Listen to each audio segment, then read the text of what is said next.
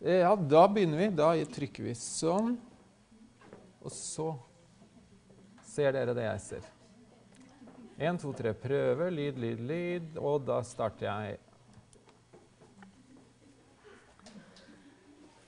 Vi var her med det etiske og det rituelle, de to bena, eller treet med sånn frukttreet med gjerde rundt. Eh, etikken kan ikke ha et selvstendig liv utenfor en rituell, kulturell ramme. Eh,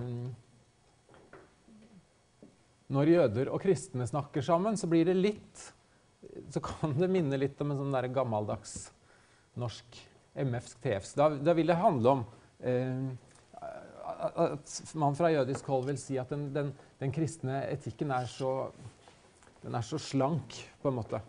Den, den mangler ja, mangler dette her eh, rammeverket. Støtte, støttende stillas er det noe som heter i pedagogikken. Eh, vi skal nå gjøre, gjøre, noe som noen av dere var med på eh, eh, i høst, men jeg husker at vi fikk skrekkelig dårlig tid på det, så nå, vi, nå har vi tid eh, til å ta det litt ordentlig. Um, hvis jeg skal trekke fram én tekst fra den jødiske bibel som liksom den lille bibel, jødedommen, så, så er det kanskje denne. Hør, Israel, Herren er vår Gud, Herren er én. Du skal elske Herren din Gud av hele ditt hjerte og av hele din sjel og av all din makt. Og disse ordene som jeg pålegger deg i dag, altså som jeg mitzvaerer Der kommer verbet som er knyttet til, til ordet mitzva. Eh, skal du bevare i ditt hjerte, osv. I kapittelet før, altså i kapittel 5, så er repetisjonen av de ti bud. Sånn at disse ordene som jeg pålegger deg i dag, er altså ikke bare dette her, det er en større sammenheng enn her i 5. Mosebok. Eh, med da de ti bud eh, rett på oversiden her.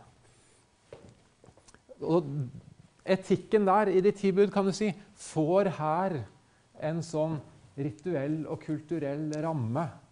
For det står at du skal gjenta dem for dine barn og snakke om dem når du sitter i ditt hus, når du går på veien, når du legger deg og når du står opp.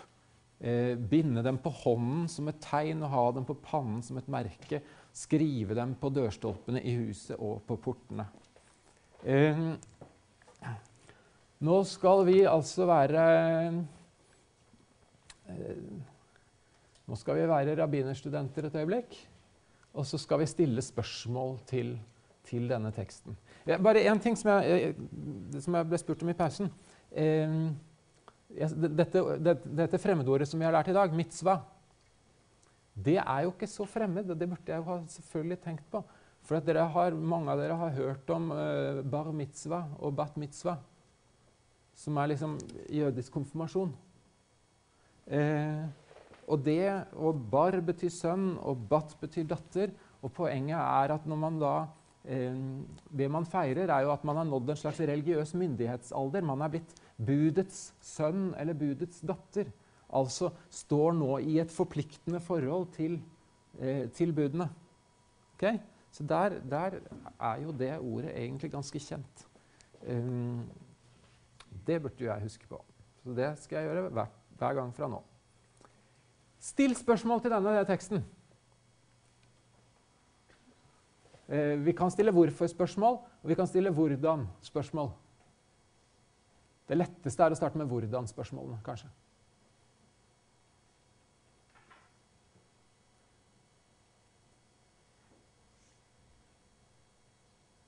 Jo fortere dere spør, jo fortere blir det lunsj. Yes?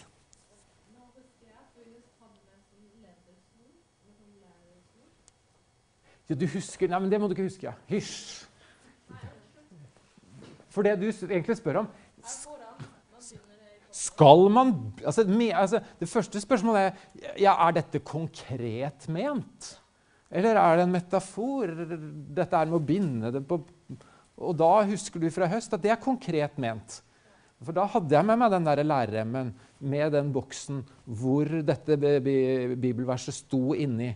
Og så sa du hvordan er det du skal binde den. og Da husker du jeg sa eh, at man skal ha et visst antall ganger rundt eh, armen og eh, et visst sånn mønster rundt gjennom hånda, sånn at det danner eh, ikke sant? Sånn at Bak alle disse eh, Og antallet gangene blir da et tall som symboliserer et eller annet.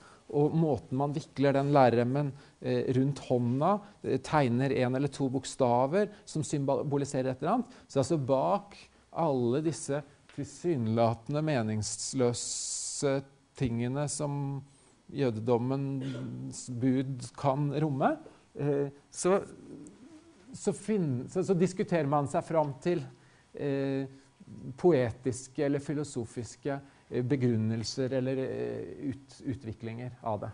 Ja, så altså spørsmålet, Første spørsmål er, er seriøst. Eller, eller, bare på liksom. Og da er svaret seriøst. Og så er spørsmålet Der er 100 000 spørsmål eh, knyttet til disse, eh, denne bindingen, disse læremmene. Hvis jeg kan få lov et øyeblikk eh, så, er jo noe, Jesus anklager fariseerne for at de vil ha så breie lærremmer. Så det er hvor, hvor breie skal lærremmene være? Da begynner vi å nærme oss detaljnivået. Eh, og så er konklusjonen da at jødedommen har på en måte der eh, landa Der er Jesus landa. Det er bra med smale læreremmer. OK? Ja?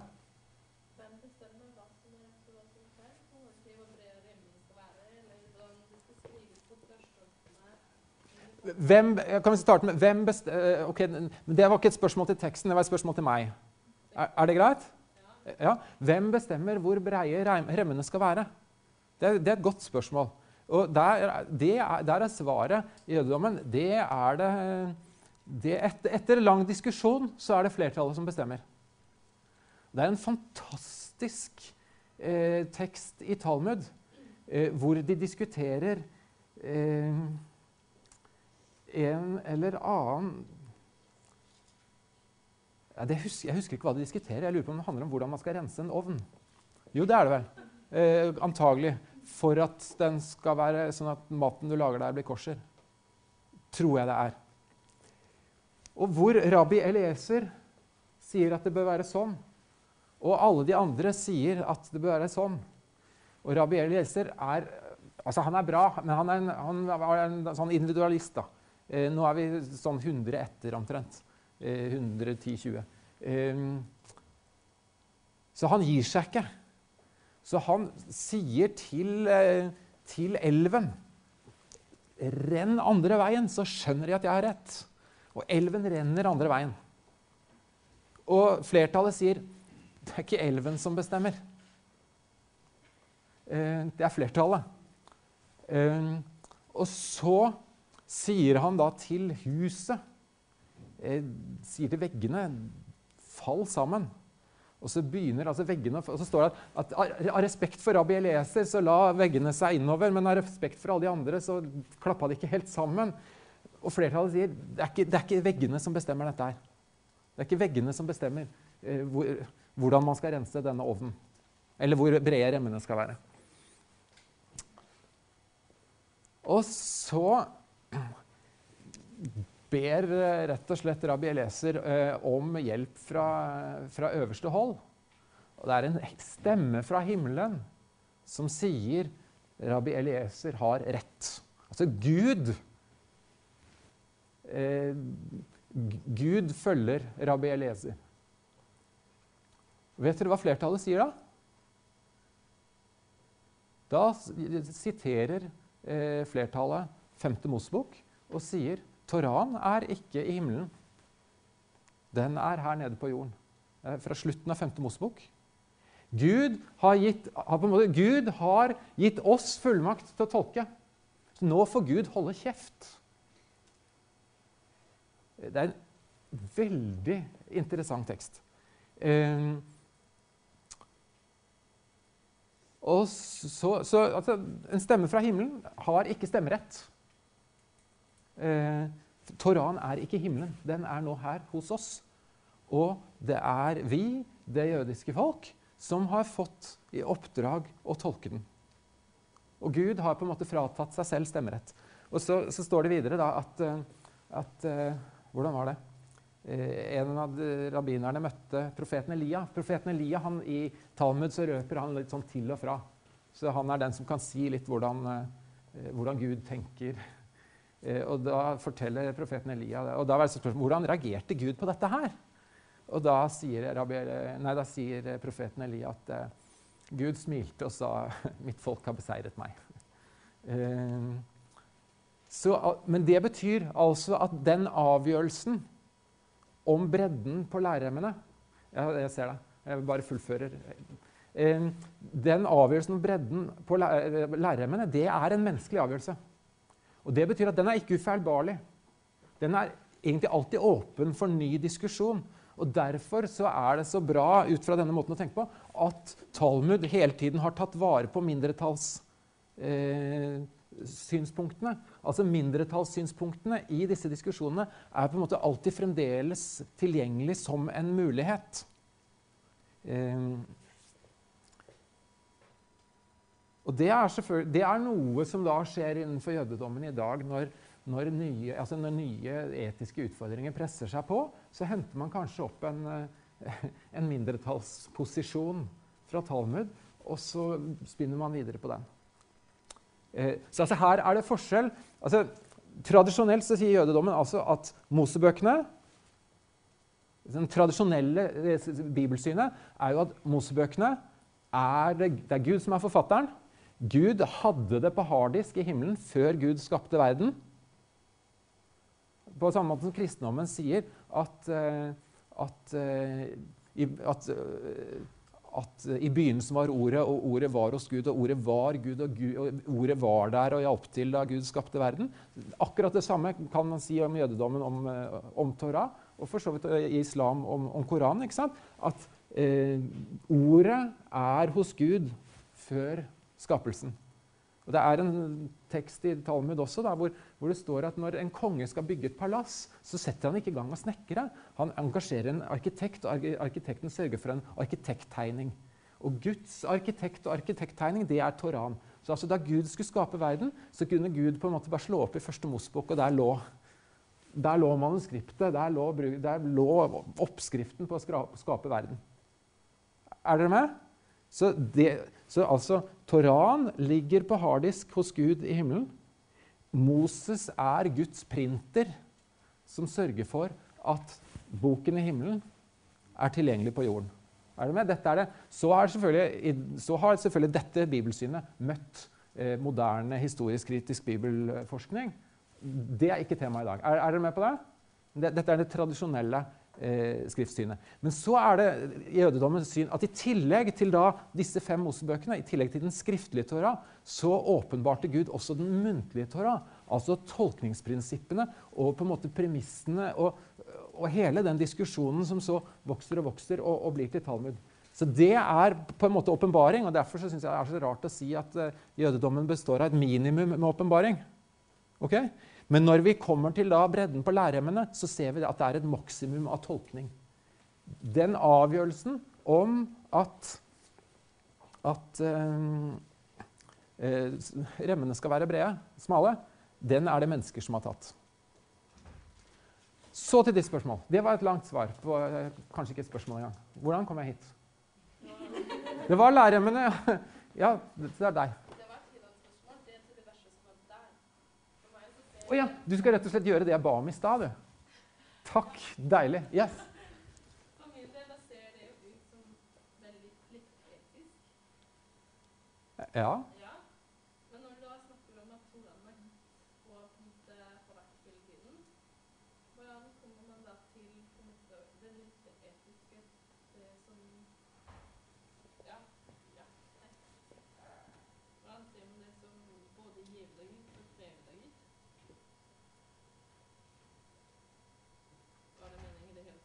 Jeg prøver å koble meg på.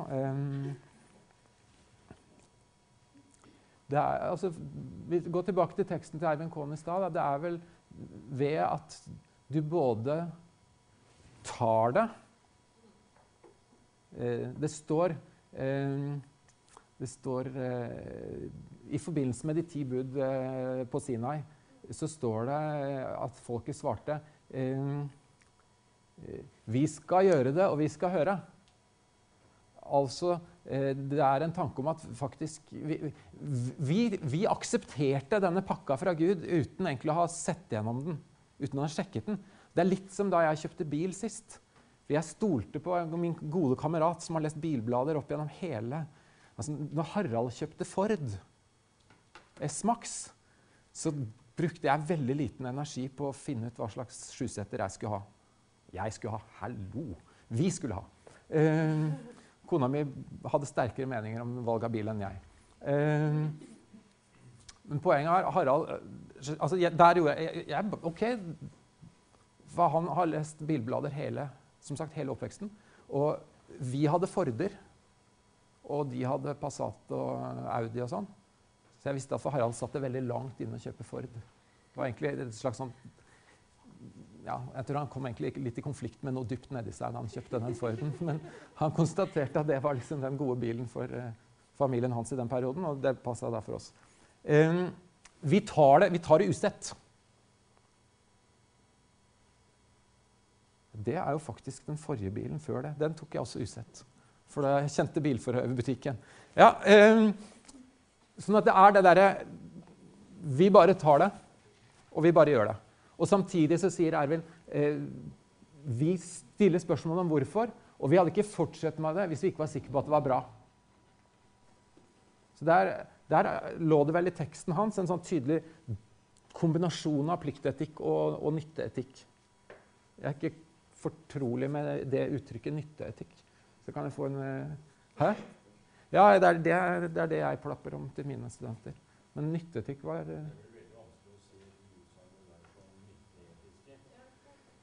Ja, så, ok, Så hvordan kommer du videre? Jo eh,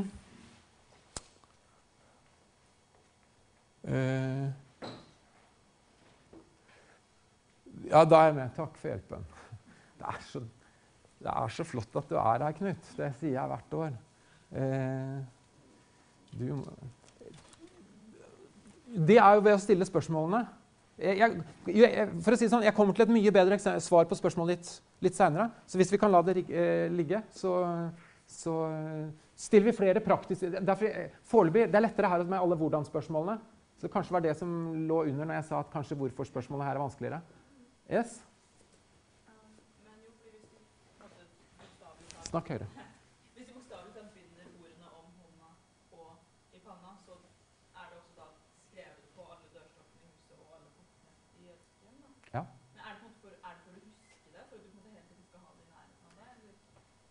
Ja.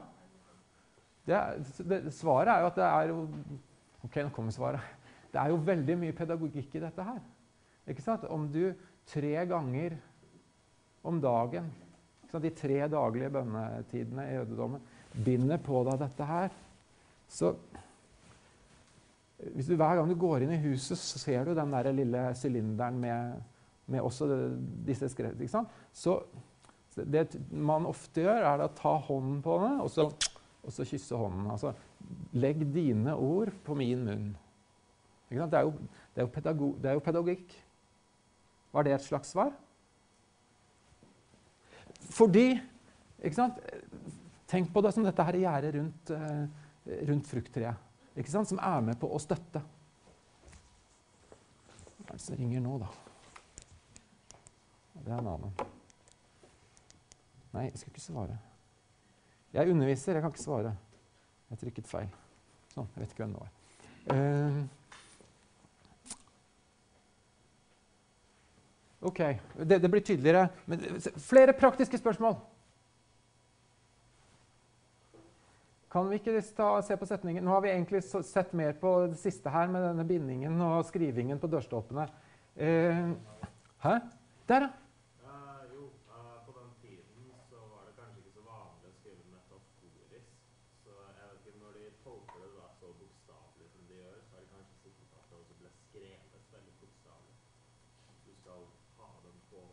det, det, det, da ville du kanskje tenke at dette må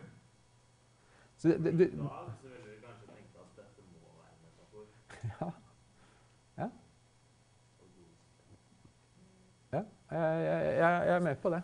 Eh, jeg har opplevd eh, i møte med Jeg har opplevd av og til at eh, i møte med jødisk bibeltolkning at jeg skjønner ikke hva de prater om før det oversettes til et abstrakt språk. Altså Hvor utleggingen er veldig sånn konkret. Jo, det betyr at det var to som diskuterte sånn, og så sa den ene og Sånn. Hæ? Jo, det handler om eiendom. Å ja. Det handler om prestisje. Å ja. Så det, jeg tror du er inne på noe der. At vi møter en logikk som er mer konkret. Eh, som ikke er så kjapp til å tenke i abstrakte begreper, men i konkrete fortellinger. Og, det er jeg med på. Mm. Eh, ja, jeg tenker også det med at eh, det at du skal gjenta den for dine barn, det er liksom greit nok. Men å snakke om det når du sitter i ditt hus, det er altså forståelig. Men og når du går på veien, er dette også konkret? Så når vet man at man skal snakke om det når man går på veien? Nei, eh, Så når, hvis, du går, hvis du går en tur, så må du på minst ett tidspunkt snakke om jødedom. Er det, hva, hva, hva blir det?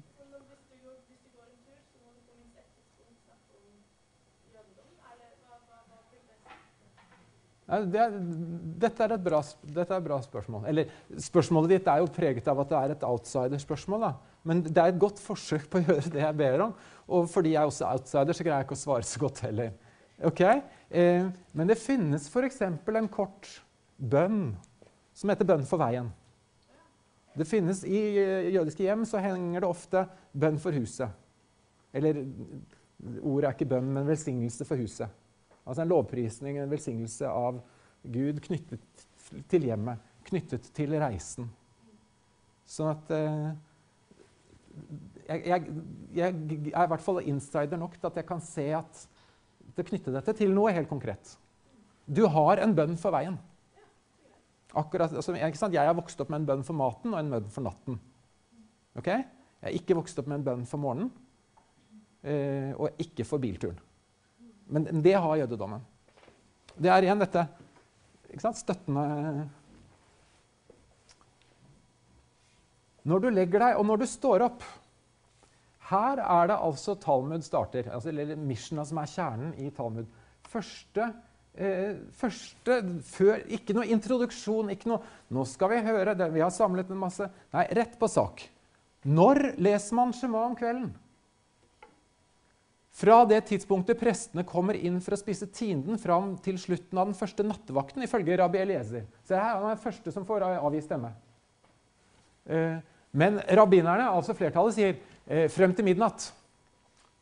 Eh, Og så kommer eh, en annen tredje synspunktet. Eh, Rabban Gamaliel sier fram til det gryr av dag. Vi ser at Rabban Gamaliel han kan si, Rabbi Elieser sier kanskje når, ja, når man kan starte med det. Mens flertallet snakker om når man må, hva, som er, hva som er sluttfristen. Hva som er deadline for kveldsbønn. Mens da Rabban Gmaliel han har en eh, rausere deadline. Eh, en gang kom sønnene hans hjem fra fest og sa til ham 'Vi har ikke lest Shema'. Og han svarte 'Hvis det ennå ikke gryr av dag, skal dere lese'. Og ikke bare dette, men hver gang rabbineren sier 'fram til midnatt', gjelder budet fram til det gryr av dag. Ser dere, her får vi alle rett. Ser dere det? Eh, budet om å brenne fett så kommer noen andre, og kjøttstykker gjelder fram til det gryr av dag. Akkurat som budet om alt som må spises på én dag, gjelder fram til det gryr av dag. Hvis det er slik, men så kom diskusjonen om hvis det er slik, hvorfor sa rabbinerne fram til midnatt? For å holde mennesker borte fra overtredelse. For å bygge eh, et gjerde rundt Toran. For å legge inn en buffer, en sikkerhetssone. Når begynner sabbaten? Når begynner sabbaten på fredag kveld? I dag.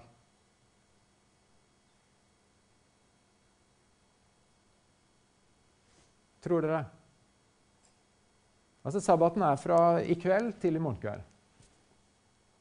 Når blir det kveld? Solnedgang. Sabbaten begynner ved solnedgang.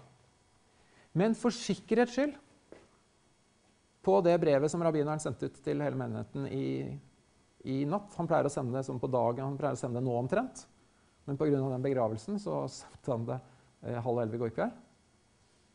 Der vil det stå et tidspunkt som er 20 minutter før solnedgang. Sørg for å tenne sabbatslysene før det tidspunktet, for da har du en 20 minutters buffer. Eh, for å holde mennesker borte fra overtredelse. Ok, det var den fra når om kvelden. Fra når leser man Shema om morgenen? Eh, fra man kan skille mellom blått og hvitt. Eh, men rabbi Elieser har sin egen mellom blått og grønt. Det er selvfølgelig mye vanskeligere. Ikke sant?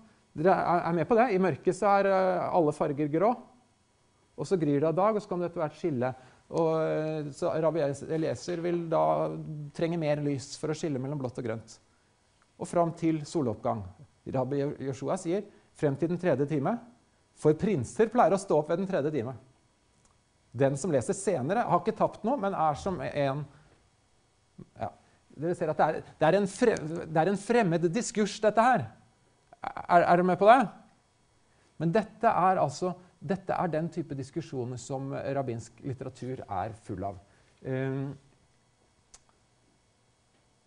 og Mishna altså fra 200-tallet blir så diskutert, så blir det stilt hvorfor-spørsmål til, uh, til, dette igjen. Og så begynner det som heter Gemara. Som altså, hvis du tar Mishnah pluss Gemara, så har du Talmud. Og spør hva de som sa dette her, uh, fra når? Altså Tannan, disse rabbinerne fra denne perioden, Mishnah-gutta. Hva baserer de seg på når de sier 'fra når'? Og hvorfor her kommer hvorfor-spørsmålet, og hvorfor de begynner med Shema om kvelden? Det var det første spørsmålet. Eh, han burde begynne med morgenen. Eh, nei da. Han baserer seg på han som skrev Mishnah her, baserer seg på Skriften der det står 'når du legger deg, og når du står opp'. Ser dere? Så strukturen i den teksten vi sa i stad, svarer til eh, 5. Mosebok når du legger deg, og når du står opp. Ok, Da tar vi diskusjonen om når du legger deg først, og så tar vi diskusjonen om når du står opp etterpå. Og så lærer han fra når leser man Shema når man legger seg. Fra det så kommer sitatet. Man kan også mene at han lærer dette fra skapelsesberetningen, der det står og det ble kveld, og det ble morgen. Dag én, eller den første dagen. Okay? Så her diskuteres det da videre. Dette for å gi dere en Ja, Knut?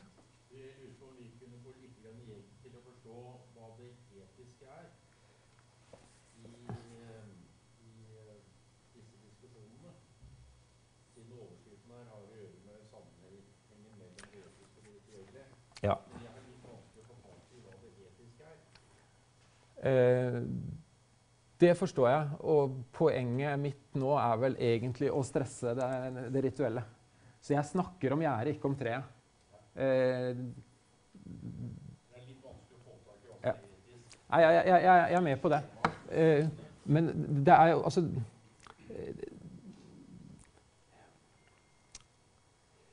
eh, Jeg tenker at Ja, nei, som sagt, nå snakker jeg ikke om tre, Nå snakker jeg ikke om etikken. Eh, nå prøver jeg å understreke hvor viktig eh, altså, Nå prøver jeg å, å, hamre den setningen fra i stad, at etikken kan ikke, eh, kan ikke leve, som, eh, leve, for seg selv. Den er alltid rammet inn, og da vil det, jødiske synspunktet være at den, den trenger godt med eh, trenger godt med beskyttelse eller godt med hjelp eller godt med stillas rundt seg. Og alt dette her er en del av, eh, av dette. Så er denne diskusjonen er ikke etikk. Det er jeg helt enig i. Eh, greit. Eh, vi lander snart til en pause. Eh, I høst sa jeg at denne mannen skal ha sagt Og her kommer det på en måte Igjen så, så kom vi ikke helt eh, Skal ha sagt at det essensielle i jødedommen er at du ikke skal gjøre opp ild på, eh, på sabbaten. Og da er jeg til det spørsmålet jeg fikk i slutten av pausen. Eh, som jeg kommer til. Eh, og så sa jeg men jeg har googla dette her, og jeg har ikke funnet at eh, han Leibowitz har sagt det. Eh, så var jeg i, var i Israel i vinterferien og møtte en rabbiner som jeg tenkte at han kan faktisk kanskje svare på det. Spurte vet du om Leibowitz har sagt dette. For jeg har hørt at Leibowitz har sagt det, men jeg har ikke greid å finne. Og så sa han jeg var der da han sa det. Det var litt kult for meg, da. Eh, så Leibowitz har sagt dette her. Og det ble, han sa, og det ble kjempe kjempediskusjon. Um, fordi at noen sa? For her er det blind, jødedommen som blind lydighet. Mens, eh, mens da eh, andre Og jeg kommer videre til spørsmålet ditt også, i og for seg. Eh, andre røster sa nei, men dette er ikke blind lydighet. Dette er etisk monoteisme, og den er filosofisk begrunnet. Dette er, dette er rasjonelt. Dette er ikke blind lydighet, dette er, dette er rasjonelt.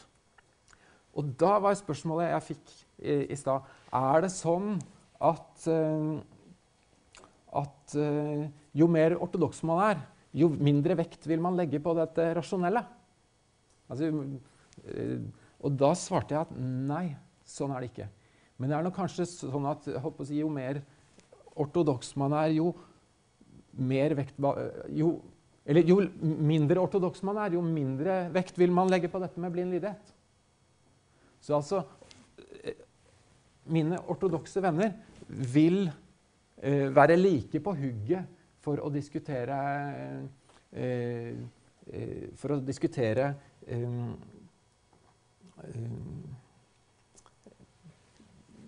de rasjonelle begrunnelsene som Ervin Kohn var, var ute etter i stad. Ja?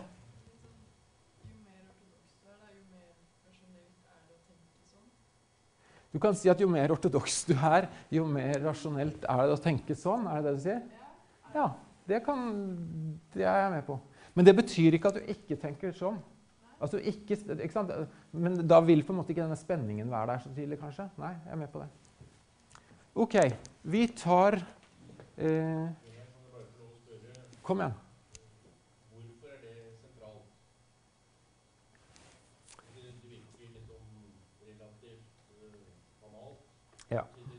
er sabbaten?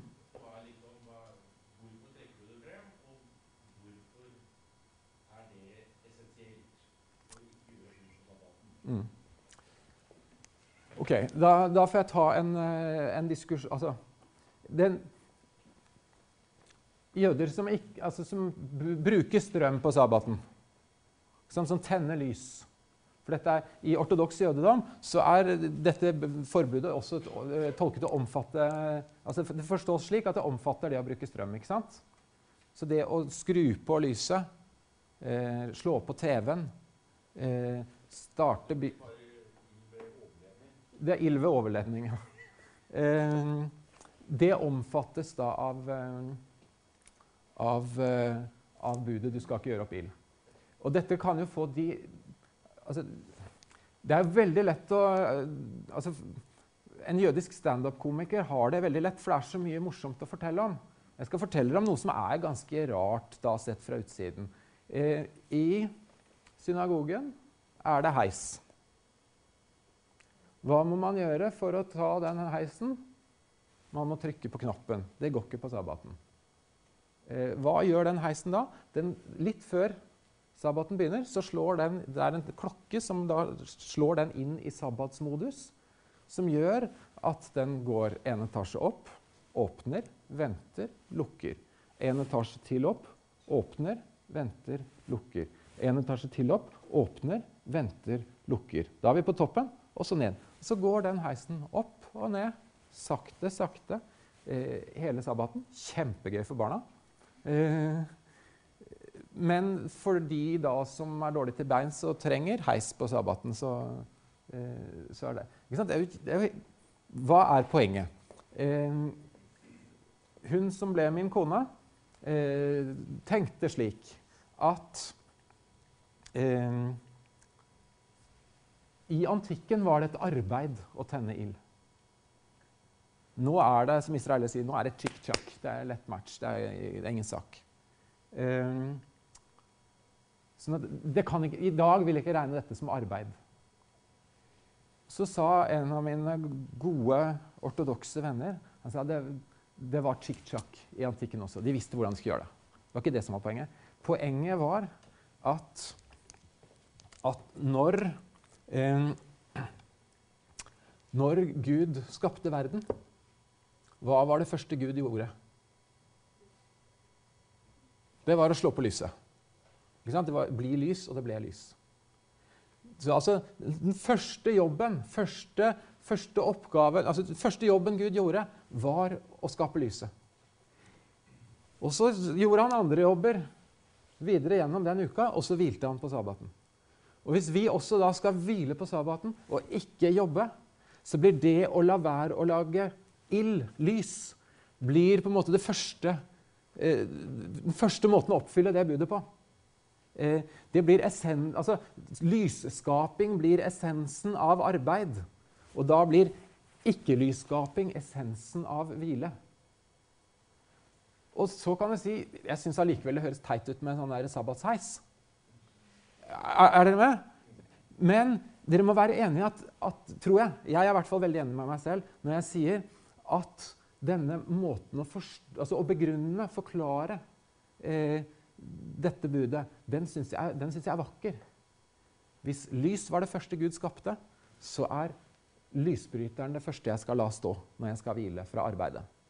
Um, så altså, Poenget er denne dobbeltheten. På den ene siden, på den andre siden. Um, og her kommer vi jo da til, til, etikken, til arbeidsetikken, til begrunnelsen, eller på en måte hva det innebærer å hvile på sabbaten. Ja?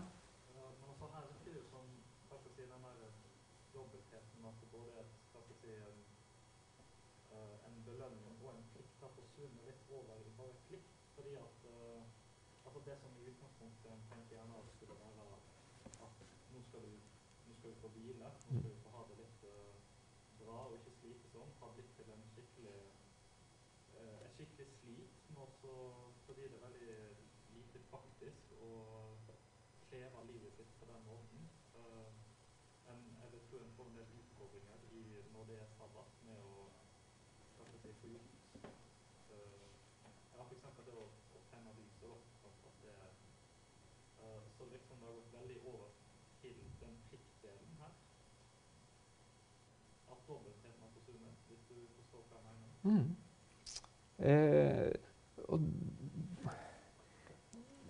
dette vil være den typiske eh, eh, vil være en typisk kristen kritikk. da. Ikke sant?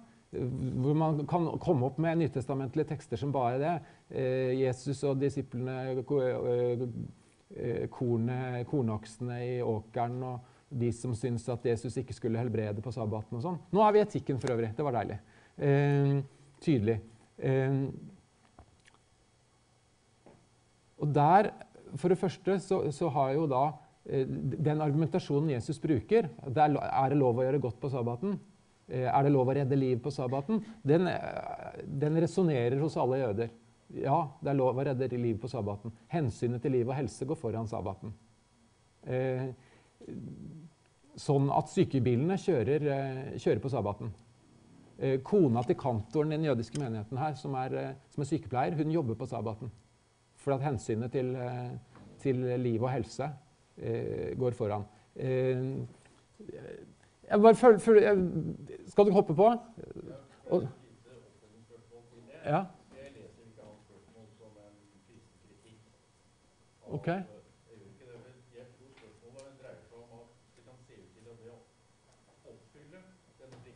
Mm.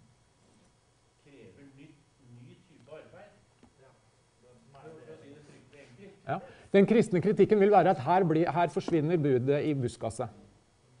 Her forsvinner hvilen i buskaset. Ok? Eh, jeg skulle akkurat dit nå, og, og, da vil jeg si Jeg tror egentlig eh, Et stykke på vei så handler det om at eh, eh At eh, det, for deg og meg så er det uvant. Hvis du har vokst opp med og For det første så har du da masse tekniske duppeditter som uh, styrer heisen, til og med. Uh, og du har på en måte vokst opp med at sånn, sånn er det den dagen i uka.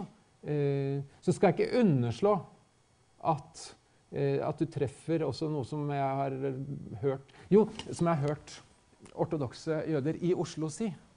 At når det blir mange, mange helligdager på rad, så er det ganske slitsomt å være småbarnsforeldre. Men det handler litt også om den kulturelle konteksten ved, å, altså ved det å være religiøs minoritet. Med en gang du er i det samfunnet hvor, eh, hvor måten du lever på, er normalen, så er det ikke vanskelig å få tak i koshermat, for det finnes i hver butikk.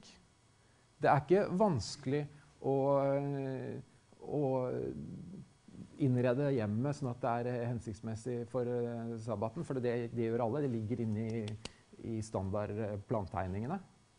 Eh, det er ikke um,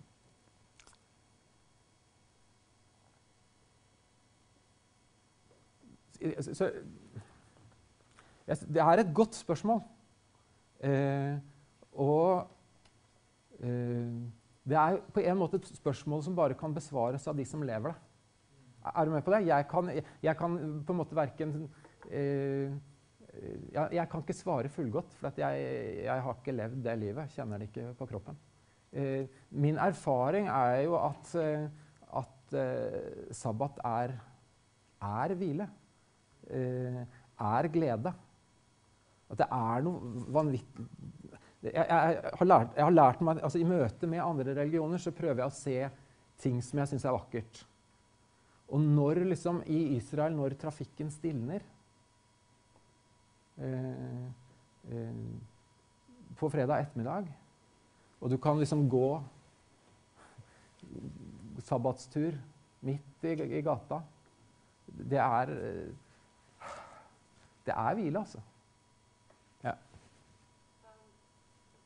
tenker at du vet, du sier at det, det, du stiller ikke spørsmålet både hvordan tror du, eller hva tror du. Du, du stiller spørsmålet hvordan praktiserer du. Ja. Kan man si at den måten de praktiserer sin tro på, er de sett morale verdier som de bruker livet sitt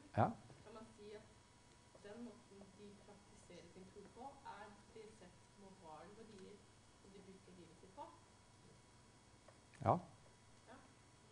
Så den måten de praktiserer på, den måten de tolker på, det er på en måte det som anses som etisk korrekt. Spontant så tenker jeg ja. Eh, Dette er bare ortodoks. jødene, på en måte. Det er jo flere som på en måte er reformjøder som lever kanskje litt annerledes. Da. Dette er, nå har jeg for så vidt forholdt meg til ortodoks jødedom, som er eh, jeg holdt på å si standardjødedommen i Israel. For jeg kjenner israelsk jødedom mye bedre enn en amerikansk. Vi kommer til reformjødedom, og menigheten i Oslo er ortodoks. Altså, menigheten i Oslo er jo eh, ortodoks menighet med ikke-ortodokse medlemmer, enkelt sagt.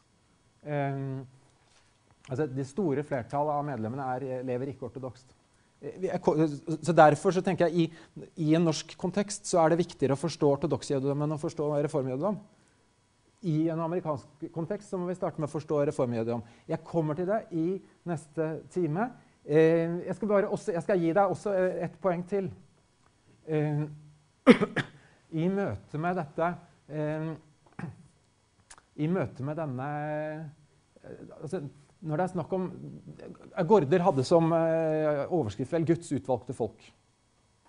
Det, det er jo en jødisk forestilling å være Guds utvalgte folk. Og det, er, det hadde irritert Gaarder lenge før han skrev den kronikken. Jeg hørte han på Nytt på Nytt eh, et år eller to år eh, tidligere. Og da var det akkurat det her, Da var det noe han fant anledning til å latterliggjøre. Den forestillingen om å være Guds utvalgte folk. Og når, eh, på en måte når rabbineren i Oslo skal forklare den, så sier han følgende For det første det gir ingen mening å være utvalgt hvis vi ikke svarer på til hva. Ikke sant? Altså Det å være utvalgt folk gir først mening når vi sier 'hva er man utvalgt til'? Og da er man utvalgt til denne package-dealen med 613 m- m- mitzvot. Og så vil jødedommen si at det er stress. Det er riktig. Andre folk slipper lettere. Eh, det er et privilegium vi har fått, men det er også en byrde. Så dette, her kan vi kanskje spinne videre inn i den etiske diskusjonen som dere eh, får i gang, som jeg ikke helt greier å koble meg på, da, for at jeg ikke har hørt alle de andre forelesningene. Er, er, er dere med? Men altså, det å være jøde, det er å være, det være privilegert, men også uh, to, to get it the hard way. Ja?